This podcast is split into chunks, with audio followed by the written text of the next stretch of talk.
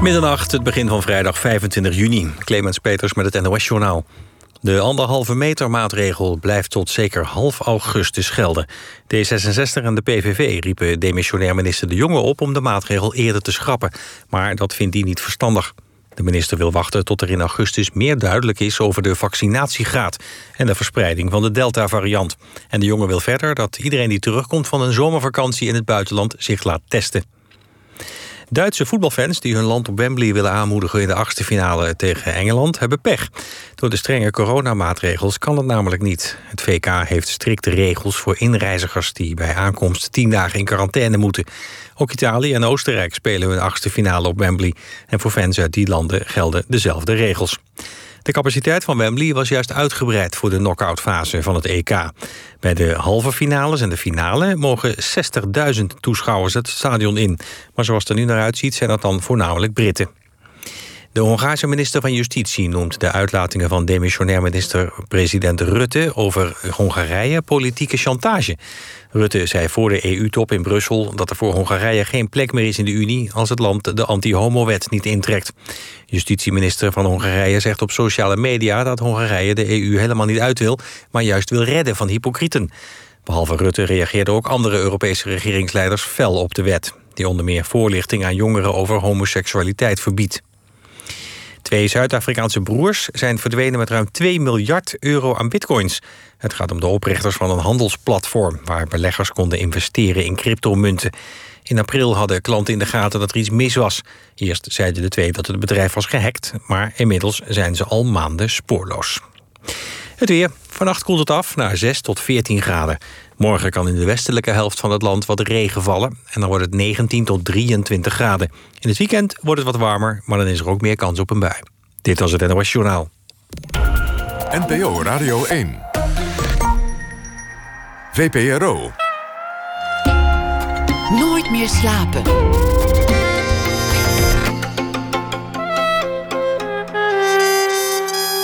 Met Pieter van der Wielen.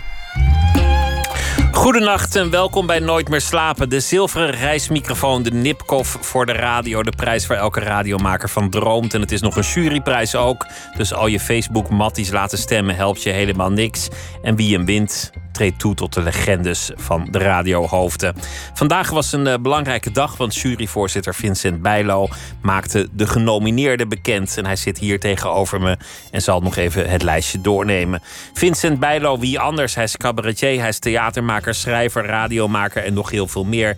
En voor NRC Handelsblad schrijft hij over alle vormen van radio. Van underground hoorspelen tot mainstream popradio tot vergeten Franse zenders.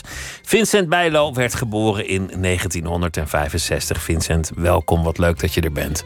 Dankjewel, dankjewel. Ja, nou, gewoon maar meteen hier te zijn ook. Zullen we maar gewoon meteen dat lijstje doornemen? Wie, wie er uh, onderscheiden kunnen gaan worden? Laten we dat maar gewoon uh, doen. Um, Want dan ga ik van die plichtmatige dingen vragen: van was het moeilijk kiezen, meneer de juryvoorzitter? En dat, was, dat levert uh, natuurlijk gewoon ja, helemaal niks was, op. Nou, u het vraagt, het was ontzettend moeilijk kiezen. zullen we, we hebben ook een speciale vermelding en een erereis. Dus waar wil je beginnen? Nou, de, de speciale vermelding. Speciale vermelding die gaat naar een podcastreeks. Dat is de podcastreeks Sorry voor mijn broertje. En dat is een podcastreeks um, die gemaakt is uh, voor 3FM. En die gaat over een Afghaans gezin dat uit Afghanistan naar Nederland kwam. En twee broers daarvan die zijn volkomen verschillende weg ingegaan. De ene is sociaal werker geworden, de ander is in de criminaliteit beland. En zij laten die broers allebei ongelooflijk uitgebreid aan het woord. Ook hun hele familie laat ze heel uitgebreid aan het woord. En het gaat op zo'n rustige manier. Dat is, dat is echt waanzinnig goed gedaan. Het is eigenlijk een soort. Het is, het is televisieradio, zou ik maar zeggen. Hè? Dus het is, het is, je, je, je ziet iedereen eigenlijk voor je die daar spreekt. En met een rust en met een. En ik vind het geweldig dat 3FM dat ook uh, heeft uh, gemaakt. Dus die krijgen de speciale vermelding. Sorry voor mijn broertje.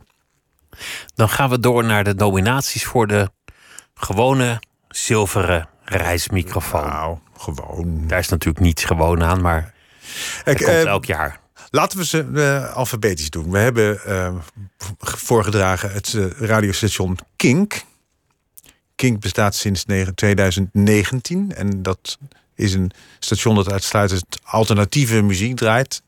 En um, ja, we vonden het geweldig dat, dat, ze, dat ze dat durven. Gewoon tegen de klippen op zo'n station beginnen hè, in deze Zonder flauwe grappen, zonder inbelspelletjes, zonder quizjes. Ja, niks. Gewoon no zonder, uh, zonder af en toe ook een, een, uh, een lelijk hitje te draaien. Gewoon harde gitaarmuziek, veel geschreeuw en gewoon knallen met de muziek die je leuk vindt. Ja, en geen, uh, geen, geen, geen, geen industriële pop, zoals dat heet. En, en, en, en DJ's die er ook gewoon heel veel van weten. Die dus heel erg thuis zijn in, in, in de muziek die ze draaien.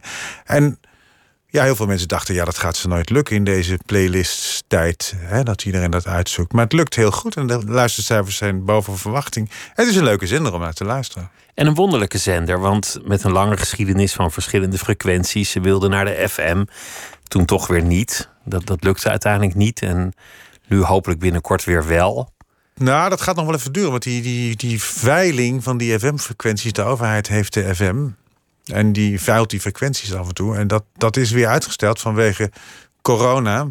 Omdat de, de, de commerciële stations het zo slecht hadden gedaan met reclames. Dat ze weinig geld hadden voor nieuwe frequenties. Dus die mogen ze nu nog even houden gratis. Dat is heel aardig van de overheid. Voor, met name voor kleine stations dan. Maar Kink uh, vist dan achter het net voor een, uh, voor een FM-frequentie. Maar ze zitten wel op DAP Plus en op online. En ze doen het daar eigenlijk net zo goed. Overigens, Radio 5 heeft natuurlijk ook geen FM-frequentie. En die doen het ook heel goed op DAP Plus en online. En dat is wel opmerkelijk, omdat daar heel veel ouderen natuurlijk naar luisteren.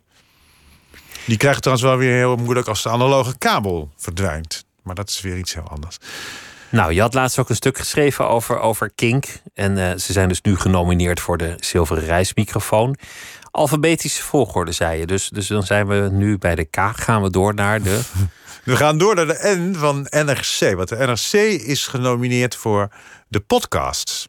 Ze zijn namelijk ongelooflijk bezig met die podcasts. Uh, en die zijn van een waanzinnig hoog niveau. Ze investeren daar heel veel in. we kennen uh, bijvoorbeeld Haagse Zaken en NRC Vandaag. En dat zijn podcast die ongelooflijk goed beluisterd wordt. Ze hebben 2 miljoen downloads per week. Ze bereiken ook ongelooflijk veel jongeren. Dus dat, dat is natuurlijk ook ontzettend leuk dat die op inhoud gaan. Ik moet bij deze nominatie overigens aantekenen dat. Um, omdat ik voor het NRC schrijf. en ons jurylid Iris Verhulsdonk bij NRC Podcast werkt. Hij is door iemand anders voorgedragen. Wij hebben uiteraard niet op deze uh, keuze gestemd. En wij zullen ook niet stemmen in september op wie uiteindelijk die reismicrofoon gaat winnen. Dus Iris. Dan gaan jullie op de gang staan. Dan gaan wij op de gang staan. Dan wij, gaan wij symbolisch op de gang staan. Ja, wij doen daar niet aan mee. Heel, heel netjes. Ja, dat is uitstekend. Maar proficiat voor NRC. Deze nominatie is natuurlijk voor. Ja, want het is, dat is natuurlijk ontzettend leuk. Want die, die prijs begint natuurlijk steeds meer een audioprijs te worden. Want radio is lang niet meer het enige grote genre audio dat er is. En die podcast. Uh, ja, een krant op de radio of achtergronden eh, op de radio als audio, zou ik maar zeggen. Want eigenlijk is dit podcast eigenlijk ook radio, maar dat zet je dan zelf aan. Hè, op, op on demand. Dus dat, ja, dat vonden we leuk om te doen. Dan hebben we er nog één. We hebben er nog één. En dat is het Avro Tros cultuurprogramma Opium. Dat bestaat dit jaar 30 jaar. En uh, ze zijn nu elke dag, uh, elke werkdag uh, tussen half elf en twaalf op Radio 4. Het is een waanzinnig leuk alternatief voor iedereen die niet die altijd die talkshowtafels wil en zich helemaal wil laten onderdompelen in het wereldleed en dan niet kan slapen. Nee, je kan tussen half elf en twaalf ook allerlei leuke, mooie, nieuwe toneelstukken, boeken, films en leren kennen. Door de radio, door te luisteren naar Opium. Het was vroeger vanuit cafés werd dat uitgezonden. Nu is dat vanuit de studio, want ook daar moet helaas bezuinigd worden. Maar toch hebben ze die, die café-toon wel gehouden. Dus het is, een, het is een prettig los programma zonder dat het oppervlakkig is. En een echt cultuurmagazine. Ja, ja, ja, ja. En, en elke dag dus. Hè. Dat is, het, het is. Uh... Ja, ik vind het heel prettig. Want het, het, doet echt waar radio voor bedoeld is. Want het verrast ook. Hè. Dus het, dat, dat tref je vrij weinig, omdat de radio toch behoorlijk uh, geformateerd wordt. En in opium ja, dan word je opeens op dingen gebracht dat je denkt: God, dat ga ik ook eens lezen. Of dat, die film, of dat. Ja, dat, dat, is, dat is prettig om te horen.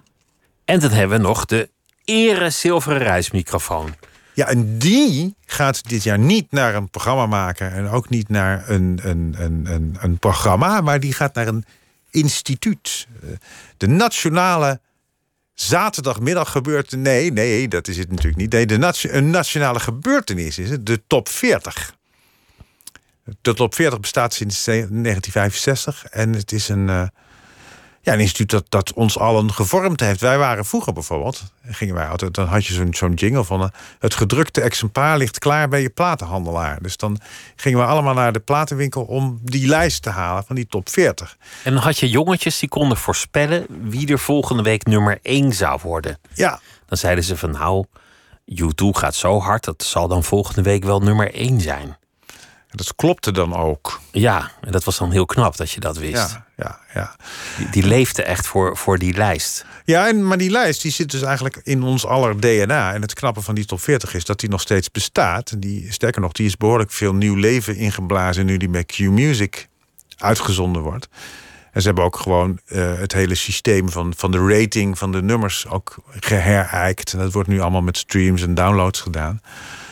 En eh, ik kan me uit de jaren 60, verhalen uit de jaren 60, weet ik dat, dat, dat ze dan soms gewoon platenhandelaren opbelden en zeiden van ah, doe maar wat. En, eh, dat, dat, dat, dat werd een beetje met een natte vinger gedaan.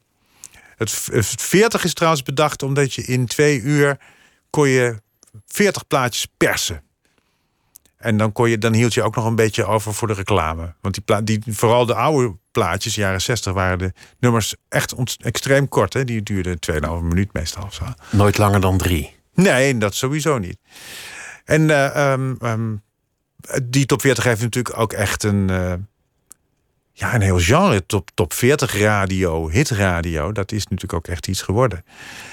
En wij vonden het leuk om zoiets wat iedereen kent... en helemaal in het, in het, in het DNA van de radio ook zit... om dat eh, te belonen. Omdat het er nog steeds is.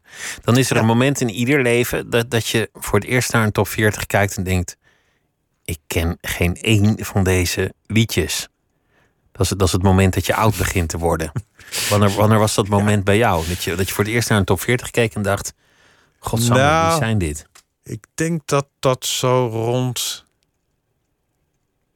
1999, laat jaren 90 geweest moet zijn. Dat ik echt dacht van, oh jongens, ik ken het niet. En het rare is dat ik nu dus weer veel meer ken uit die hitparade. En dat komt doordat ik met mijn telefoon en eh, die muziek natuurlijk altijd enorm bij de hand heb. En omdat ik ik luister tegenwoordig veel meer. Want eind jaren negentig was het toch altijd wel weer onhandig. En je had natuurlijk nog cd's. En, eh, en dan moest je de hele tijd naar de radio luisteren. Wilde je weten wat er op was. En ik had natuurlijk veel te doen. Ook andere dingen. Maar op de een of andere manier ken ik nu weer veel meer muziek dan toen. Er was ook laatst bijvoorbeeld... was bij datzelfde Kink waar we net over hadden... was de, de Zero's Top 100 of zo. En ik kende daar zo verschrikkelijk weinig nummers uit. Dat waren nog wel alternatieve nummers, waarvan ik meestal wel meer weet. Maar van deze wist ik niet. En toen zat ik daarna te kijken naar nummers uit de jaren 10. Kende ik al meer. En uit de jaren vanaf, 19, vanaf 2016 of zo ken ik weer ontzettend veel. Dus die, hoe ouder ik word, hoe meer nummers ik voor jonge mensen weer ken. Het komt toch weer terug. De dip is voorbij. Het komt terug. ja. Ra- radio is voor jou altijd heel belangrijk geweest. Is, is dat, is dat ja, eigenlijk een heel voor de hand liggende vraag? Is dat om, omdat je blind bent? Jeroen Pauw heeft wel eens gezegd... radio is een kapotte televisie. En dat, dat zei hij met het gebruikelijke dédain van tv-makers voor het medium. Maar ik moest er ook wel weer om lachen.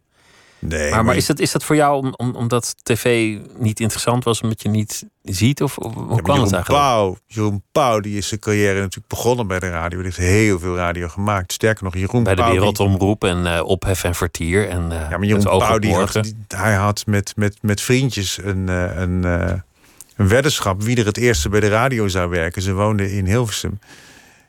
En Jeroen Pauw woonde toevallig heel dicht bij de EO-studio. Hij is naar de EO gegaan mag ik hier radio maken? Ja, dat mag wel hoor. Wat wil je gaan doen? Dus hij had de weddenschap gewonnen. Dus Jeroen Pauw is bij de EO begonnen met radio maken. En zijn vader was eh radiotechnicus. Ja, precies ook nog. Maar, maar genoeg over Paul. Nee, radio, uh, televisie is een kapotte radio. Want dat is, radio, dat is een, een, een, een, apparaat wat je verschrikkelijk afleidt met allemaal rare beelden van, van mensen en zo.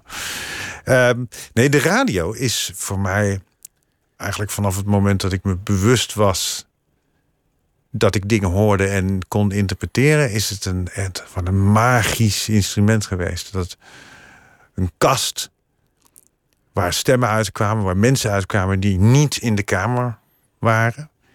Ik heb later, het was twee jaar geleden zo, heb ik, heb ik dingen gelezen over de eerste radio-uitzendingen, hoe mensen dat ervaarden. En dat er dus inderdaad uh, een, een kast met mensen in de kamer kwam, stond. En dat er iemand sprak die je niet kon zien. Dat was bijna een geestverschijning. En die magie heeft het voor mij altijd ook wel een beetje in het begin zeker gehad. Waardoor ik zag natuurlijk niemand die sprak tegen mij, ook niet als die in de kamer was. En toch klonk het anders. Toch was het, was het anders, maar en, en toch was het heel echt. Dus ik heb die radio altijd als, als heel dichtbij ervaren, ook als kind al. En ik, op de een of andere manier was ik ook altijd heel erg geïnteresseerd in de radiotechniek. Dus in de, in, toen had je nog middengolf en uh, Um, ik ben later zelf ook ontzettend veel gaan uitzenden. Dus ik had ook een eigen zender, een FM-zender, waarmee ik programma's de eter in joeg. Die een fantastisch format had. Want in de buurt was de luisterdichtheid echt 100%. Want niemand kon meer in een andere zender ontvangen. Want dat ding stoorde nogal. Je knalde alles gewoon ervan ja die, ja, die ging door, het, door de hele band heen, zou ik maar zeggen. Het was zelfs zo erg dat ik had... Ik had een keer een, een een vijf elements. En een vijf elements, dat is een, een, een richtantenne. Radio, een richtantenne waar je het signaal doorheen stuurt. Dus, en daar zitten reflectoren en directoren op. En die stond in mijn kamer, in een parasolstandaard. En die moest ik dan richten. Die richtte ik dan naar het oosten. En dan moest ik eerst dwars door de kamer van mijn broer. Dan ging zijn pick-up, zijn grammofoon, die ging, uh, als hij een LP draaide, ging die opeens op 45 toeren draaien. En daarna moest het door het huis van de buren, dat signaal van mijn zender. En toen is het een keer gebeurd dat ik uit de stoomstrijkijzer van de buurvrouw kwam mijn stem. En die is toen zo verschrikkelijk geschrokken. Want dat was dus echt die, die geestverschijning eigenlijk. Dat ze mijn gelul uit haar strijkijzer hoorde. Dat, dat, dat, is voor die vrouw levenslang trauma gebleven. Dat, dat, dat spijt me ook nog steeds. Ze is, ze, is, ze is niet meer, maar ja, dat, die radio was voor mij echt een waanzinnig. Uh... En nooit gepakt door de, ja, ik ben, uh, op door de autoriteiten. Ja. En um, ik had net het plaatje met de vinger in de bips van Herman Vinkers op de draaitafel gelegd. Die was toen nog helemaal niet bekend, maar wij hadden een LP van hem. Het was in 1982. En ik zou net met de vinger in de bips starten en toen kwam uh, opsporingsambtenaar H.J. de Groot van de radiocontroledienst, ik weet wel hoe die heette ook, met twee agenten mijn slaapkamer binnen. En eh, er zaten twee vriendjes naast mij. En die schrokken zich helemaal de pleuris. En die waren ontzettend bang opeens. En ik voelde ze beven. Dus ik denk van, nou ja, wat zijn jullie nou voor gasten? Maar toen bleek dat die agenten met getrokken pistolen mijn kamer binnenkwamen. Ik zag dat niet, dus ik was niet echt enorm geïmponeerd. Maar dat deden ze omdat toen in het gooi, uh, ik woonde in Bussen, werden regelmatig uh, zendpiraten uh, gepakt. En die boden af en toe ook nog wel eens fysiek verzet. Dus toen hadden ze preventief bedacht om die pistolen te trekken. Maar het is natuurlijk. Ja, het is wel een beetje groot voor een zendpiraat om meteen met, met een getrokken pistool de trap op te komen stormen. Nou, het is natuurlijk belachelijk. Je gaat toch niet een, een slaapkamer van een tiener inkomen met twee, twee getrokken pistolen. Dus ik, nou ja, wat, wat, dat, toen, wat, dan, wat er bij mij gebeurde was dat ik. Ik was niet echt bang, maar ik was wel. Uh, wel uh, ja, het was mijn ouders waren er niet, dus die moest, moest ik het anderhalf uur later vertellen toen ze thuis kwamen. Het was natuurlijk iets. Je wist altijd dat het zou kunnen gebeuren, natuurlijk. Maar het was wel iets. iets al die apparatuur was weg. En ik moest voorkomen voor het arrondissementsgerecht. Wat ik overigens wel weer heel stoer vond, want ik mocht vrij van school.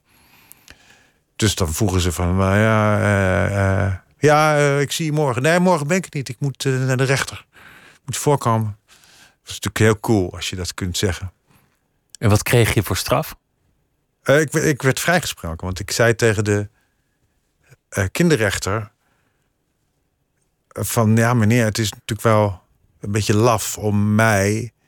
die een beetje weg met de autoriteiten roept... en Blondie en de sekspistols draait... om mij in beslag te nemen en alle kraakzenders... want die had je toen in Amsterdam, Radio de Vrije Keizer en zo om die allemaal gewoon doodleuk te laten uitzenden en, en te laten oproepen om alle agenten in elkaar te rossen. En toen was die man heel lang stil en toen zei hij: uh, Ik seponeer de zaak en je moet uh, advocaat worden. Dus dat was mooi. Nou, dat was mild. Hoeveel, hoe vind je radio nu? Want je schrijft erover voor NRC Handelsblad. En uh, een van de dingen die nu aan de hand zijn is het grote radioplan. Jij had er al de hand op weten te leggen. Dus de, de NPO-autoriteiten gaan een paar dingen vervormen. Ja. En je, je, bent best wel kritisch over radio in het algemeen, hoe het nu gemaakt wordt. En wat, wat is eigenlijk de kern van je, van je kritiek? En, en wat vind je van, van hoe de radio nu eraan toe is? Nou, het grote probleem van de Nederlandse uh, publieke omroepzenders is denk ik wel dat ze ongelooflijk geformateerd worden. En ze worden enorm, in enorme mallen geperst. Er men denkt heel erg in doelgroepen en in targets, in bereik. Uh, waardoor je eigenlijk bijna een soort letterbak krijgt waarin je de vakjes moet invullen. En daar komt dan een programma uit. Het maakt heel erg dat de, dat de swing eruit gaat. Dus je krijgt eigenlijk een, een, een, enorm veel bureauradio. Dus radio die elke dag gewoon ja, bijna hetzelfde klinkt. En de, een soort vakkenvullen wordt het. Ja, ja, ja. De, de, dat, en dat is, als ik dat vergelijk, ik luister veel buitenlandse zenders met, met buitenlandse stations die ook op zich wel geformateerd zijn, maar die hebben toch allemaal de neiging om, om die formats niet zo nauw te nemen en om daar gewoon lekker bewust de randen van op te zoeken en daar soms ook overheen te gaan en dan opeens gesprekken te gaan voeren die, die opeens een, een kwartier duren. Terwijl je hier, als je hier op Radio 2 een gesprekje. Dat mag echt niet langer dan drie minuten zijn. Want dan is de concentratieboog van de luisteraar op. Dus al die aannames die ze hier hebben. over hoe je radio moet maken. die hanteren ze heel ijzeren heinerig vaak. En, en uh, ja, zo streng. Dat moet je eigenlijk niet doen. Want dan haal je de hele swing uit zo'n station. En Radio 1 is nu van plan volgens dat nieuwe plan om journalistieker te worden. Dat is wel iets wat ik. Nou, daar is wel iets voor te zeggen, toch? Op zich. Klinkt. Nou, dat vind dat juist. Ik weet niet wat ze ermee bedoelen, maar het klinkt op zich wel goed. Nou, nou ja. Ja, zeg gewoon van die woorden. Dan zeg ja, je nou, dat, dat, urgenter. Ja. Nee, dan ben je een omroepbaas en dan zeg je nou, ons programma moet urgenter. En dan zegt iedereen goed zo. Dan heb jij ook weer je zegje gedaan. Ja, ja, precies. Maar, en, maar er, is, ze hebben de leus er ook al bij bedacht. Want er stond ook in dat jaarplan al van... de beste journalisten hoor je bij Radio 1. En ik vind wel dat Radio 1 veel journalistiek kan. Omdat ik toch vaak vind dat uh, BNR um, beter de achtergronden doet... en beter en uh, adequater informeert dan Radio 1. Maar ik vind, ik vind het een goed idee om dat te doen... Maar denk nou toch eens ook na over um, het feit dat die radio die wordt gemaakt voor mensen die niet alleen maar gewoon oppervlakkig en, en, en uh, men, men, denkt hier in full service stations. Dus dat zijn stations die, die nemen je bij de hand en die helpen je de dag door. Die volgen het ritme van jouw dag. Dat soort dingen lees je ook heel vaak terug. Uh, maar denk nou toch eens het is een, onderschatting van je publiek. Want je mag veronderstellen dat je, dat je luisterpubliek echt wel veel meer weet en van veel meer op de hoogte is dan je vaak uh, denkt als bureaumaker, uh, zou ik maar zeggen. Geldt trouwens niet altijd voor de radiomakers. De radiomakers die willen wel, maar die worden van alle kanten uh, in, in zo'n format geperst. Vaak worden die formats bedacht met in het hoofd dat het elke dag 11 september 2001 is. Dus we hebben een verslaggever ter plekke en dan een correspondent aan de lijn en dan de eerste politieke reactie. En dan terug naar de studio met een deskundige en dan weer terug naar de verslaggever. In praktijk zijn de meeste dagen oerzaai en gebeurt er eigenlijk helemaal niks. En nee. dan werkt zo'n format tegen je, want dan moet je eindeloos herkauwen wat er allemaal niet gebeurd is, omdat er gewoon niks gebeurd is. Ja, of het is eigenlijk, of je bouwt het op alsof er elke dag uh, een EK is. En dan is er geen EK. En, en wat moet je dan? Dus het zijn langs de lijnen omstreken die, eh, waar, waar geen sport is. Soms lijkt de radio wel op, op eh, alsof je inderdaad altijd langs de lijn hebt, maar geen sport. En je moet dan dus ontzettend veel kunnen gaan doen aan, aan nou ja, ehm, achtergrond, context van het nieuws. En niet alleen wat ik bijvoorbeeld die NOS-app, als je die NOS-app ziet, dan zie je, dan staat er bijvoorbeeld een kop uitgelegd. En dan, en dan wij, wij leggen het voor je uit. Maar die uitleg, die moet je veel inclusiever doen. Je moet veel, veel meer het nieuws inbedden in die, in die context. En niet van, eh, ik ga nu even voor je, verklaar, voor je verklaren en duiden hoe het allemaal zit. Nee, dat moet echt in je, in je nieuwsvoorziening. Dus je moet veel massievere berichten maken. Een, een mooi zinnetje was: de Amerikaanse soul op zaterdagavond moet Nederlandser. Dat ging geloof ik over Radio 2. Ja, Dat vond ik een parel. ja moet verjongen en moet Nederlandser. Amerikaanse soul moet Nederlandser. Ja, dat, dat, Ja, dat soort dan kom je toch joh. bij Shermer Roos. En eh, kom je dan uit Shermer Roos, kom je dan uit. En bij, eh, Ja, die vind, ik- die vind ik top. En, en, ja, maar die moet je dan ook echt Amerikaans uitspreken dan. Hè? En, en wat ik ook een mooie zin vond, is dat Radio 2 moet 's morgens meer vrouwelijke luisteraars trekken. Hoezo? Why? Waarschijnlijk om meer cosmetica-reclame kwijt te kunnen. Ja, smiddag zijn ze er al, maar s ochtends moet er, moet er nog wat. eh, Ja, maar waarom moet dat? ah ja, je, moet, je moet het ook weer niet te, te serieus eh, nemen, dit soort dingen. Nee, nee, nee, maar, nou, ja, nee, maar daaruit blijkt maar weer dat dat altijd... Dat is papier. Ja. En dat, is niet, dat zijn geen oren, dat is papier. Je, je doet voor de radio ook altijd een, een eindejaarsconferentie. Dat deed je ook in 2020.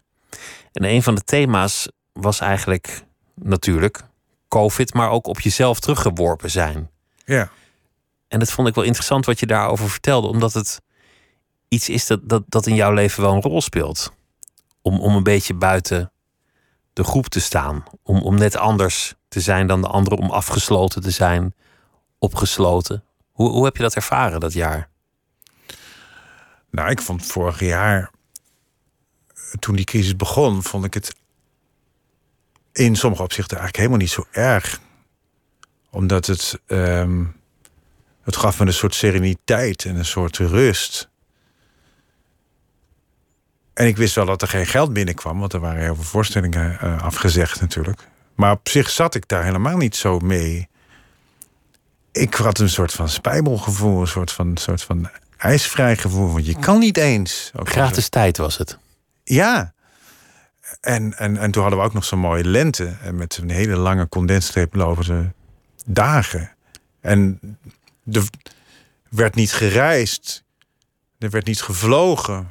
Al die toeristen bleven thuis. En die gingen de vogelbescherming bellen omdat ze een gek vogeltje in de tuin zagen. En dat bleek gewoon een koolmees te zijn. En toen dacht ik van ja, zo, zo kan het dus ook. Je, je kan het veel dichterbij zoeken en veel kleiner zoeken. En ik vond het heel, ik vond het mooi. En ik hoopte dat het voor veel mensen ook een soort van prettige les in, eh, in, in, in nederigheid zou zijn. Waardoor ze veel dichter bij elkaar zou, bij, bij, bij zichzelf zouden komen. En ook bij zichzelf zouden kunnen blijven. Nederigheid in de zin dat je ziet dat je het uiteindelijk niet te vertellen hebt. Dat, dat er nog altijd grotere dingen zijn die roet in het eten kunnen gooien. Of je plannen in de war kunnen schoppen. Ja, dat. En maar ook dat je, dat je het soms moet doen met de dingen die je hebt en die in de buurt zijn. Want dat is wel een thema dat altijd wel in mijn leven zit, denk ik. Ik, eh, ik ben iemand die heel graag, zo'n oudejaars bijvoorbeeld ook, die maak ik thuis. Ik zit dagen en weken zit ik fragmentjes te knippen van politici waarmee ik dan zogenaamd in gesprek ben. En dat is, dat is natuurlijk een soort gekneuter. Dat is, dat is het. eh, ja, eigenlijk wat Sander van der Pavert ook doet voor, eh, voor, de, voor, de, voor, voor, voor tegenwoordig Voor. RTL. Voor Lucky TV. Maar het is een soort gekneuter. Maar ik vind het heerlijk. Want ik ben, er is niemand die bepaalt wat ik in die oudejaarshow ga doen. Er werkt ook verder helemaal niemand aan mee. Ik, ik, ik, ik doe die dingetjes in een playlist. En ik sluit mijn apparaatje aan. En ik, en ik druk zelf die playlist door in, in, in dat uur. En ik, ik hou van dat soort, eh, dat soort geconcentreerde werken. En, en dan heel lang achter elkaar. En ik vind het eigenlijk ook wel prettig om. eh, ja, om er een beetje eh, buiten te staan. Omdat je, dat geeft je toch een blik van, van afstand. Zo schreef je ook je boek. Op de bank op een laptop. Ja, Niemand, niemand die je lastig viel. Ik, het, altijd. Ja, het is, het is heerlijk om. Ik, tegenwoordig hebben we een geweldige. Je hebt van die, van die strandkorven, van die, van die stoelen met. eh, er is een soort, soort mand omheen. Je ziet ze op, op Duitse stranden altijd. Ken je, weet je wat ik bedoel of niet? Ja? En, en die hebben we nu in de tuin staan. En als ik daarin ga zitten, nu, in de, in de lente, met al die geurende bomen en struiken, dan denk ik van, jezus man, ik hoef, ik hoef echt gewoon echt nergens heen. Ik, dit, is, dit is het. Hier zit ik goed. Ja. Ik vind het mooi dat je het hebt over condensstreepvrije dagen. Terwijl als er iemand is die die condensstrepen nooit ziet, dan ben, ben jij het. En toch vond je het fijn dat ze er even niet waren. Ja, maar je voelt het echt in de lucht. Want je voelt, Voel je dat? ja, je voelt dat de zon, eh, dat er minder tussen mij en, en, en, en, en, en het zonlicht en de warmte is. De condensstreeploze dagen hebben ook de, het voordeel dat de, de, de temperatuur schaal is groter. Hè? Dus de, verschil tussen dag- en nachttemperatuur is groter. Ze hebben dat na 11 september, toen de twee dagen in Amerika niet gevlogen werd, of drie dagen, hebben ze dat ook echt kunnen waarnemen. Want er is een, een, een deksel niet op de aarde, die daar anders wel is van al die strepen. Want het houdt heel veel tegen. Ik, weet je wanneer ik het ook heel sterk gemerkt heb? Toen er een week in 2010 was dat, toen werd er een week niet gevlogen omdat die IJslandse vulkaan uitgebarst was. Oh, die aswolk was dat. Ja, en toen had ik het ook heel sterk. Dat ik het, het, het, het klaart zo op. Echt heerlijk. En Dus, nu, ja. nu, nu hoor ik ze allemaal weer. En nu, nu ja, denk ik toch weer, oh jongens, wat jammer. En daar, daar, daar komt weer een heel vliegtuig vol met Delta-variant. En waarom moet het nou toch weer allemaal? Ik vind het ook wel mooi, een vliegtuig. Vind ik ook wel mooi als er, als er zo landt, zo'n massief apparaat. En dan eh, stel ik me altijd voor dat die mensen hele leuke dingen gaan doen. Waarschijnlijk gaan ze dat helemaal niet, maar daar kan je van alles bij fantaseren. Waar zou die naartoe gaan? Waar zou die vandaan ja, dat, is komen? wel, dat, Ja, dat vind ik vind ook wel heerlijk. mooi. Dat, op zich, dat is, dat is ook, Brigitte Kaandorp heeft daar een heel mooi liedje over gemaakt. Ik vind vliegtuigen misschien wel mooier dan vogels. Een vogel is uiteindelijk complexer dan een vliegtuig. Dat is een rare gedachte, maar als je het, als je het helemaal zou willen nabouwen, zou je langer over een vogel doen. Ja, Dan over zo'n vliegtuig. ik vind vogels leuk. Dat er moest eens een keer. Ik ben ook niet anti-vogel hoor. Hè? Ik ben niet tegen vogels. Nee, dat Nee, zeg ik niet. Wie, wie ze hoeven, we tegen hoeven vogels? te kiezen. Ja, maar vogels zijn grappig. Die, ik moest een keer een column schrijven voor vogelbescherming Nederland. En ik was, ik was het totaal vergeten. Ik zat iets anders te doen. Hipt er opeens een meisje mijn studio binnen. En die begint gewoon piep, piep, piep, piep, in de studio. En ik denk, oh ja, die column. Dat is toch mooi? Dat je kwam vertellen, ga ze aan het werk. Ja, Ging die column daarna ook over dat meisje? ja, absoluut. Erik noemde ik hem. Erik Messi. We, we hebben het hier wel eens over gehad en, en het is er vaker over gegaan. Je, je bent, het, bent natuurlijk al je hele leven zonder zicht. Ja, dan, dan is dat een gegeven. Je gehoor gaat er langzaamaan ook aan. Gelukkig worden de apparaten iets beter, maar er, er, er, er dreigt nog steeds een moment dat het allemaal niet meer waarneembaar is. Hoe, hoe staat het daar nu mee? Hoe gaat dat? Nou, dat. Ja, dat wordt op zich minder. Zeker, dat wordt absoluut minder. Eh, Althans, mijn echte oren. Maar ja, wat je zegt, die, eh, die, die, die manier van geluidprocessen. die gaat zo ontzettend vooruit tegenwoordig. Dat je. Ik hoor sommige dingen hoor ik echt beter dan tien jaar geleden. Terwijl mijn echte oren echt achteruit gegaan zijn. En op een gegeven moment zal het heel slecht gaan worden. Maar tegenwoordig heb je het zogenaamde cochleaire implantaat. Dat is een soort apparaatje, dat pluggen ze direct in je zenuw. En dan sluiten ze je hele oor uit. En dan zetten ze daar een versterkertje op. Dus je krijgt direct versterkt geluid in je zenuw. Het is wel veel minder van kwaliteit, schijnt het, dan je echte oor. Omdat je veel minder eh, kanalen hebt. Die, die, die uitgangen van de zenuw op je, van, van je midden op, binnenoor op je zenuw zijn veel meer dan wat je nu hebt. Dus je hebt dan maar zeven elektroden of zo.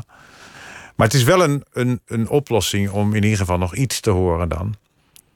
Maar ik heb ook wel, ook wel eens bedacht ook dat ik ook ja, misschien dan wel toch weer een, een, een, een nog kleiner leven ga leiden. In de zin van dat ik, dat ik nog meer thuis ga zitten en nog meer ga dichten en schrijven. En uh, mijn leven ook laat bepalen dan door de, de, de staat waarin ik ben. Want ik denk eigenlijk dat, dat elke, elke staat zijn, zijn, zijn nou ja, literaire uiting kan krijgen. Of, zijn, zijn, zijn, of muziek. Of, nou ja, muziek zal, dan, zal misschien dan minder zijn. Maar, maar er kan creativiteit uit alles komen, uiteindelijk. Dat denk ik wel. Ik denk dat ook als je. Um, wel, je moet er wel naar leven. Hè? Ik bedoel niet.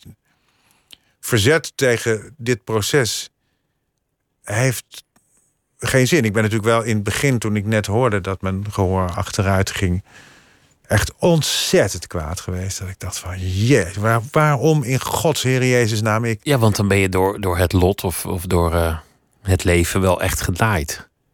Ja, ja, ja. Dat je en blind en doof, dan, ja, ja, ja. dan, dan heb je wel echt het slechtste lot getroffen. Toch? Ja, en tegelijkertijd is dat ook de meest zelfmedelijdende gedachte die er bestaat. Natuurlijk. Want er is namelijk, er bestaat geen rechtvaardiging, rechtvaardigheid in, in, in de evolutie of in, in, in wat je overkomt. Er is niet een of andere hand die aan die volumeknoppen van mijn oren gaat draaien en die zegt van haha, we gaan bijna nou eens even We pakken hem.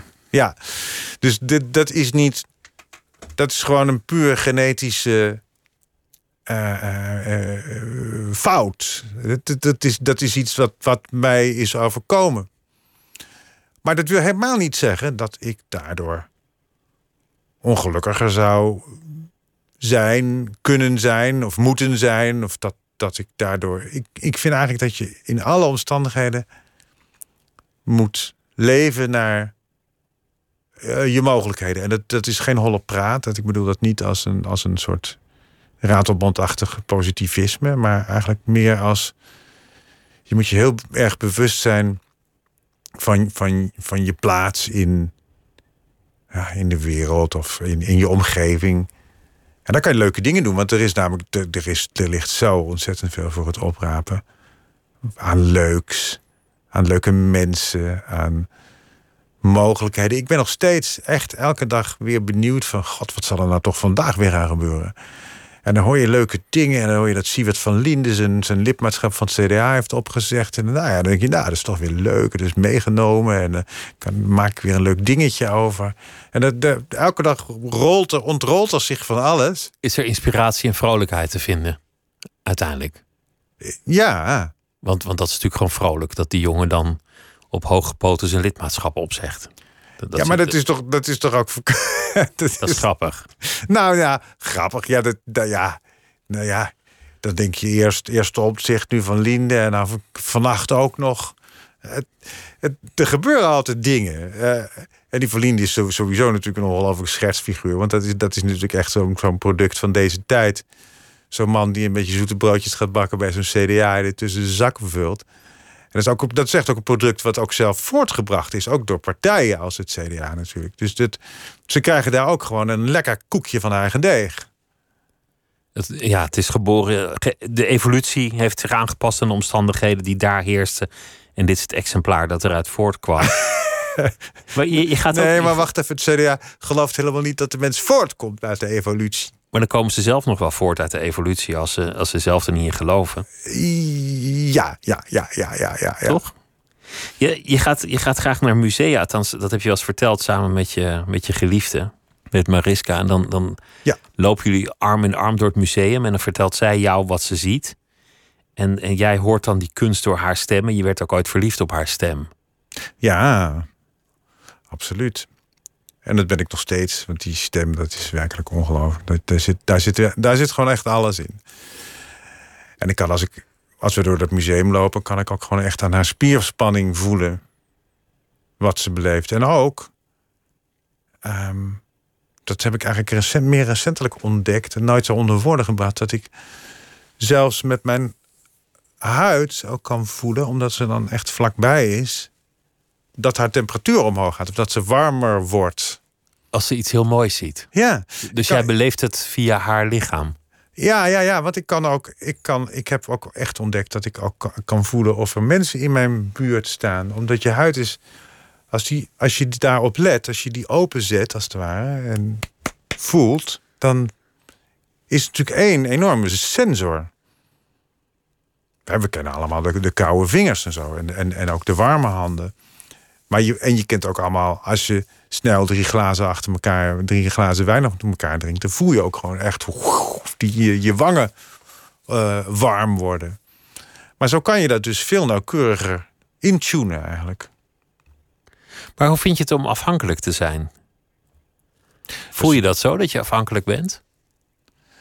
Nee, ehm, ik vind eigenlijk dat je pas echt afhankelijk, echt onafhankelijk kunt zijn als je afhankelijk durft te zijn. Dus als je ook echt kan eh, overgeven aan die afhankelijkheid. Omdat wij natuurlijk, het is een illusie dat wij onafhankelijk zijn. We zijn allemaal afhankelijk. Als we relaties af, aangaan, zijn we afhankelijk. En we kunnen wel onze eigen autonomie proberen te waarborgen. En te zeggen van ja, dit, dit, dit, hier komt niemand aan en dit is van mij.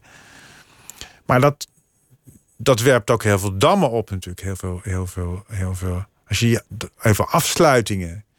En Juist dus, dus door- onvrijheid eigenlijk. Ja, juist door samen te zijn met mensen en door te leunen tegen mensen waar ze ook echt voor zijn.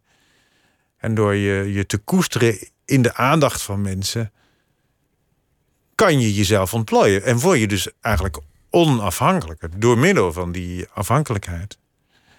En ik vind het ook helemaal niet erg. Ja, ik heb er soms, praktisch gezien heb ik er soms wel moeite mee in de zin dat ik, dat ik eh, dan dan loopt mijn computer weer vast en dan moet ik toch weer aan haar vragen van, eh, hè, kijk, jij, kijk jij even, want ik, ik, ik, ik, het lukt mij niet.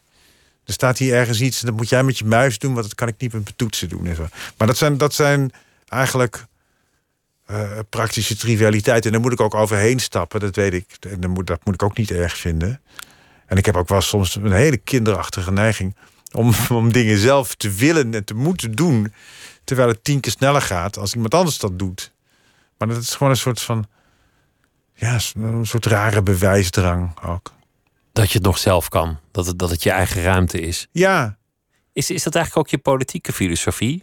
Van, van we moeten onafhankelijk worden door afhankelijk te zijn. Juist in het collectief kan je individuele vrijheid vinden. Zo vertaal ik het dan maar even. ja, ja, ja want ik vind, ik vind de, de, de, de, de, in, het individualisme, het hyperindividualisme, dat weten we nu wel waar dat allemaal toe heeft geleid. En dat, dat is de inzet van, die, van, van dat verschrikkelijke neoliberalisme, dat is natuurlijk totaal doorgeschoten. En dat is een kant op gegaan waar we als maatschappij veel meer schade door ondervinden dan, dan, dan eh, eh, lol van hebben. En we moeten het echt veel meer van elkaar hebben.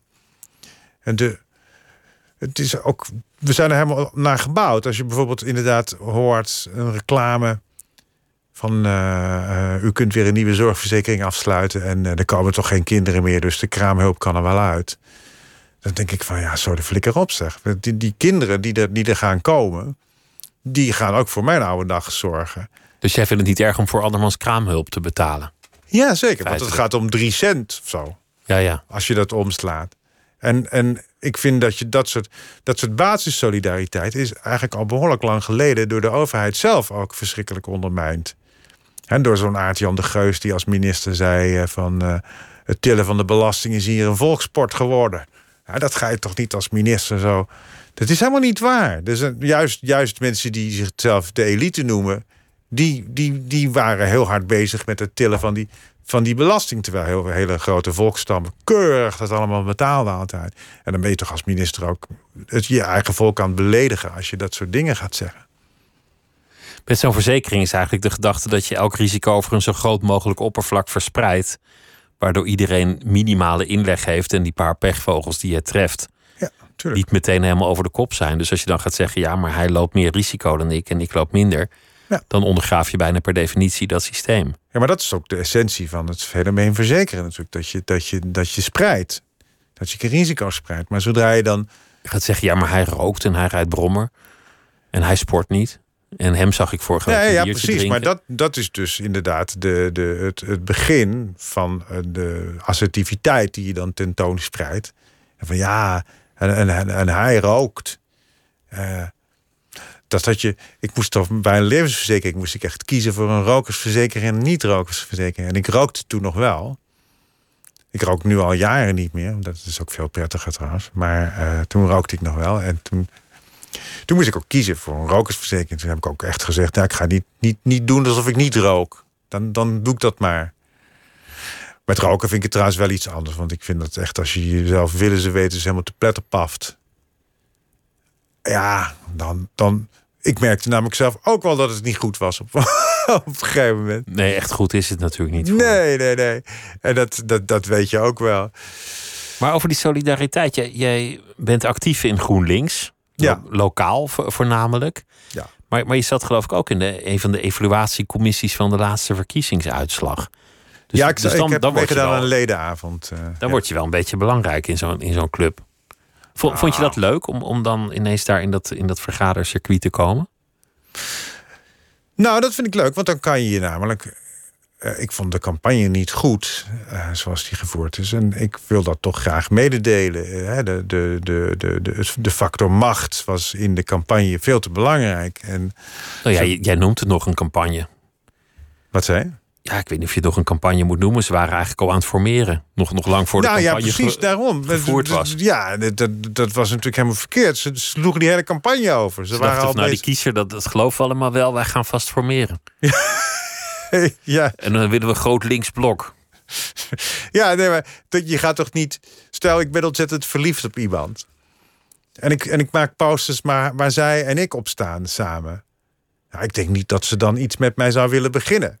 Want dat heeft, eh, heeft GroenLinks natuurlijk gedaan. Door die andere leiders, eh, door Ploemen, eh, Ploemen en, en Marijnissen op die, op die posters te zetten. Een soort eenzijdige verkering genomen. Ja. En, en ze dachten toen waarschijnlijk van, nou, die, die, die komen wel op een gegeven moment. Maar zo moet je dat natuurlijk niet doen. En ik begreep het ook niet waarom het was. En ik dacht meteen al toen ze die weg insloegen van dit is niet, dit is niet de manier. Want dit is, niet, dit is geen inhoud. Dit is, dit, ik begrijp wel waar het vandaan komt. Want ik begrijp ook dat die versplintering van links en die versnippering en elkaar bevechten, daar heb je niks aan. Maar zou je dat niet beter van onderop en inhoudelijk kunnen gaan samenballen en vormgeven dan op deze geforceerde manier? Maar die tijd die je erin steekt, heb, je het gevoel dat je echt toewerkt naar invloed of een betere wereld? Of dat je, dat, dat je een soort vervulling daaruit zult krijgen? Nou ja, ik vind wel eigenlijk dat het. Ja, ik vind dat toch wel een soort van plicht eigenlijk. Dat je, dat je, Dat je zoveel- inzet voor de gemeenschap. Ja, dat je zoveel mogelijk doet om het. Ik denk dat het enige reden waarom wij hier op aarde zijn, is dat we het voor elkaar zo leuk mogelijk moeten maken. Want we, we hebben geen idee waar dat hele leven voor is. Het is totaal zinloos. We zijn hier neergeflikkerd door onze ouders, omdat die dachten dat het leuk was om een kind te nemen. En toen waren we er. En dan hebben we maar één keus. We moeten er zelf iets leuks van maken. Want het, het is namelijk heel leuk. Maar dan moet je dat echt ook voor elkaar doen. Je moet, je moet echt. eh, dat, ja, dat is, ook, dat is ook gewoon het leukste. Het, het, wat is een, als je het met z'n allen leuk hebt, dan heb je het zelf ook het leukste. En al die kleine kleinheid en die kritiek op elkaar en, dat, en, dat, en elkaar dingen verwijten. En, en oh jongens, er zijn zoveel kleingeestige mensen op de wereld. Ja, maar als je dat zegt, dan denk ik juist aan de politiek. En dan denk ik, als je de kleingeestigheid wil overslaan, dan moet je misschien, hoe niet ziek het ook is, de, de politiek maar gewoon aan anderen overlaten. Want, want, want dan wordt het zeker geen leuk leven als je daar te veel tijd in steekt. Nee, dat, dat is wel waar. Maar ik heb toch ook nog altijd wel een soort van hoop. Ik weet ook niet waar dat vandaan komt. Misschien moeten we gewoon eens over die oude links-rechts eh, tegenstellingen heen stappen. En eh, dat zie je natuurlijk steeds meer eh, in, in, in, in westerse democratieën die steeds vaker vastlopen. Juist doordat die oude ideologieën zijn uitgewerkt. Dat we misschien partijen moeten beginnen die echt die macht weer terug willen brengen naar, naar, naar ons. En, en die ook echt af willen van, van, die, van, die, van, die, van, die, van die uitgewerkte ideologieën en van die, van die elites. En het, is natuurlijk allemaal een beetje verhalen vertellen geworden. Hè? Dat, je, dat je ergens een verhaal van maakt waar jouw partij mee scoort. En wat door de pers wordt overgenomen. En dat is dan het verhaal van de dag waar iedereen zijn mening over heeft. Wat misschien niet eens echt heel belangrijk is, maar zich gewoon mooi vertaalt naar een soort mediawerkelijkheid. Wat scoort. Wat, wat ook een soort discussie uitlokt, omdat je er heel principieel over kunt zijn.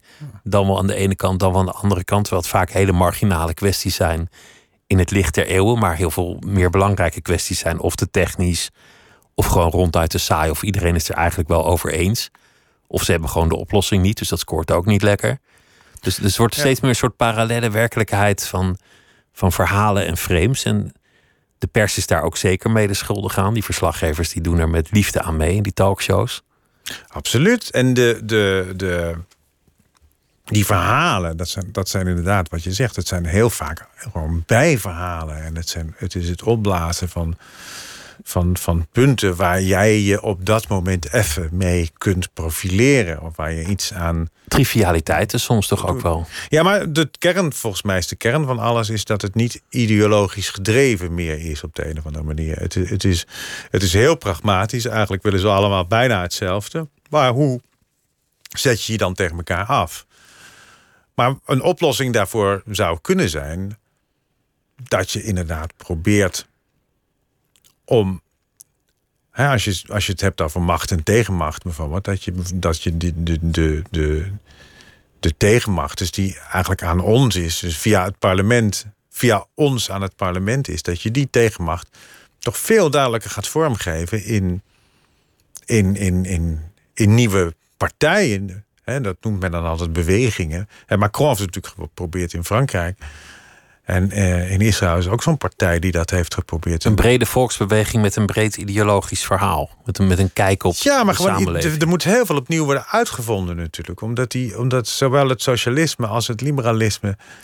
hebben niet zoveel gedaan aan, aan de uitwerking van hun theorie... toen iedereen een auto voor, voor zijn deur had... en toen iedereen eh, het goed had. Dus de, de, de opvolgers van die oude ideologieën... die zijn er te weinig eigenlijk. De arbeider moest een biefstukje en een, en een Opel eh Vectra. Ja, en toen hij die ja. had, ja, wat toen? En toen keek de arbeider niet meer naar de VARA, maar die ging naar SBS 6. En, en, en dat, dat is allemaal veranderd. Maar de, er is, ik zie zo weinig eigenlijk eh, filosofische vraagstukken die dan in politiek vertaald worden. Dus die dan, die dan, die dan naar ons toe gehaald worden. Die dan eh, over ons gaan. En daar is natuurlijk de, kijk, die, die hele duurzaamheidsgedoe, wat GroenLinks natuurlijk ook heel erg doet. En dat ze altijd presenteren als dystopieën. Dus altijd presenteren als het is één voor twaalf en we moeten. Het gaat nu- mis, we gaan er allemaal aan. We gaan er ook allemaal aan, maar Ja, maar je, kijk, als je dingen wil veranderen, verandering komt altijd met verbeelding. Dus je moet, je moet. hè, eh, als, als je ouders vroeger zeiden, je moet je kamer opruimen, dan dacht je, ja, dikke lul, dat ga ik echt niet doen. Dat is, waarom? Maar als ze zeiden, je, moet je kamer opruimen, want je krijgt er een veel leukere kamer voor terug. En moet je eens kijken, hij wordt veel groter eigenlijk als je hem opruimt. Dan wordt het al veel leuker. En zo moet je dat eigenlijk natuurlijk met, met dat hele duurzaamheidsvraagstuk en met, met, met, met, met, de, met de circulaire economie. Je moet het allemaal gewoon als een, als een, als een, als een geweldige, leuke uitdaging zien. En we ademen zelf allemaal dezelfde lucht. En die kan veel schoner en die kan veel beter. Ja, eh, van, van linkse, linkse nerd tot rechtse bal. Iedereen ademt dezelfde lucht. Dat, we moeten veel meer gemeenschappelijk zien. En een wat positiever verhaal. Je, je zei net iets over, over je eigen bestaan. Van, van ook al zal je wereld kleiner worden.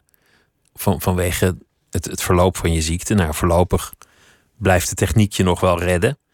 Je zei er is altijd iets te vinden. Er is altijd iets om je blij over te maken. Er is altijd iets waar je creativiteit uit kan putten. Er is altijd iets dat je ervan kunt maken. Ja. En de zin van jouw bestaan zit altijd in het collectieve. Dat is echt de onafhankelijkheid. Dat je je durft over te geven aan anderen. Dat je dat je, je gedragen voelt door de mensen om je heen. Daarin zit jouw onafhankelijkheid. Ja. Hoe, hoe zie je eigenlijk het bestaan voor je? Wat zijn de dingen die je nog heel graag zou willen? Ik, nou ja, praktisch gesproken wil ik op heel korte termijn een, een, een roman schrijven. waarin ik een aantal dingen die ik net zei wil. eh, Een ideeënroman, echt. ja, echt een ideeroman, maar die ik. ik ik, eh, nou, mijn hoofdpersoon is een, is een, is een roker die eh, ehm, eh, ten dode opgeschreven was. En dan een nieuw medicijn gaat uitproberen.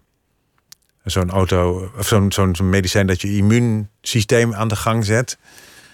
En hij geneest daardoor, terwijl hij al bijna opgegeven was en al eh, de muziek voor zijn begrafenis had eh, uitgezocht, zou ik maar zeggen, en de- zijn graf al geregeld had. En hij geneest en iedereen slaat hem op zijn schouders en zegt van, jezus, wat geweldig, je bent er weer. En die man zakt in een enorme depressie. Die denkt van, moet ik nou nog? En, en die hoofdpersoon, die overigens echt bestaat, ehm, die ken ik, die ga ik eh, fictionaliseren. Die ga, daar ga ik een man van maken waarin al die, deze overwegingen die ik net noemde naar buiten komen. Want die man moet echt, echt op zoek gaan. Maar wat is, wat is het nou? Wat is het echt dat mij drijft? Wat is, wat is mijn kern? Waarom, waar doe ik het voor? En dat moet echt met ontzettend veel humor. Want met deze man ook, dat is een kennis van mij, eh, is het ook echt zo gegaan dat hij. Nou ja, ik ben een aantal keer bij hem geweest toen hij al aan de morfine zat en, en, en, en heel slecht was. En, en, en, en elke tien minuten in slaap viel. En op een gegeven moment ging dat dan weer veel beter. Terwijl echt, eh, hij had, al, hij hij had alle afspraken gemaakt. En toen zei ik ook nog tegen hem op een gegeven moment, toen het weer veel beter ging. Heb je nou die begrafenisondernemer al gebeld dat het niet doorgaat? Ze zei, nee, dat vind ik zo zielig voor die man. Dus ik doe dat voorlopig nog maar niet. En dat soort humor hadden we de hele tijd. Ook toen het al heel slecht ging. Toen had hij ook steeds van... eh, ja, ik stond vanmorgen op de bakker en dat was zo'n lange rij. Dus toen heb ik ook maar gezegd van... ja, mag ik even voor, want ik ga straks dood. En dan was die hele bakkers, bakkerij stil. En eh, dat vond hij eigenlijk heel grappig... dat hij zich dan zo gemaximaliseerd had. Dus zo zat die man de hele tijd. En, en, en dat zijn wel... dan ben je wel in de uithoeken van het leven, zou ik maar zeggen. En dan wordt het urgenter en dan komt die vraag op: wat moet je eigenlijk met het Ja. leven? Wat telt? Ja, wat, wat telt? Waar, waar doe ik het voor? En dat is, dat is wel een vraag die ook die we ons te weinig stellen, omdat we altijd maar met die klote telefoons en met alles en met reisjes. Er zijn mensen die niet eens die boeken een vakantie en, en die weten niet eens precies waar ze heen gaan. Het is met vier klikken is het gedaan. Dat is een soort parallele wereld waar je dan instapt, die jouw wereld wordt, maar die eigenlijk heel ver weg is. Het lijkt me ook bijna een soort teleurstelling. Dan heb je helemaal je eigen uitvaart geregeld en je laatste woorden en de Ja. muziek uitgekozen en een Ja. advertentie laten ontwerpen. En dan, en dan, dan komt de dood helemaal niet. En dan moet je, moet je misschien ook mensen vertellen: hé, hey, nee, ja. Nou, dat vond hij ook. niet. Hij vond het natuurlijk, want hij vond het, want hij zei toen hij, toen hij dus echt bijna ging, dacht hij, zei hij van, ik lag vannacht in bed en ik dacht, oh, dat ik al die mensen niet meer hoef te zien, zeg. Wat is dat een opluchting? Want wat een klootzak is dat, zeg. En die hoef ik nou niet meer te zien. Heerlijk. En toen was hij beter. Toen dacht ik, oh jezus, nou zit ik toch nog met die klootzak. Moet ik hem wel weer zien? Dus hij was ook echt, hij had ook echt al wel afscheid genomen. En hij was, was daar ook wel, hij vond het wel heel erg voor zijn vrouw. Maar voor zichzelf dacht hij van, nou ja, goed, dan is dit het maar. En ik heb het er ook zelf naar gemaakt, want ik heb ontzettend veel gepaft. Want dat, dat had hij wel. Dat speelt dat- ook nog mee, hè, dat je dan schuldig bent. Ineens. Zo Ja, hard is het dat- al. Nou, wat mij heel erg lijkt, en daarom ben ik ook gestopt met roken op een gegeven moment. Ik ben gestopt met roken op de avond dat Maarten van Roosendaal doodging. Wat ik dacht toen echt van, weet je, als ik, als ik het kan voorkomen, of misschien helpen te voorkomen, dat ik, dat ik ook zo'n belachelijke dood sterf, dan ga ik dat ook doen ook. Want ik vind het ook, ik vind het ook gewoon heel erg voor mijn omgeving. Want die ziet het allemaal. Die ziet allemaal dat het gebeurt, dat je het aan het doen bent. En, en, en mijn vrouw heeft natuurlijk al honderd keer gezegd van... Vin, je moet er toch eens een keer mee kappen. En als je dat dan nog niet gedaan hebt... Of een andere vriend van mij, zijn, zijn dochtertje, die was vijf of zes... die zei, papa, je moet stoppen met roken. Want ik wil graag dat je blijft. En hij stopte niet. Nou, mijn hart zou breken. Ik zou dan onmiddellijk alle sigaretten weggooien en, en ermee kappen. Dat is bijna een soort afwijzing. Maar ja, misschien zeggen we over tien jaar hetzelfde wel over broodjes kaas en over koolhydraten en, en over glaasjes wijn. En dan eh, Ja, zijn we allemaal schuldig aan ons eigen einde. Terwijl toch vanaf ja maar betrokken was het natuurlijk wel heel opzichtig. Is ook weer waar. Ja, dat Vincent, dank dat je langs wilde komen. Vincent Bijlo. En het was me eh, genoegen om met je te praten. Dank je wel en succes in alle genomineerden voor de reismicrofoon. Morgen zit Lotje IJzermans hier. Voor nu een hele goede nacht.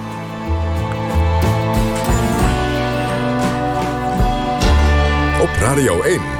Het nieuws van alle kanten.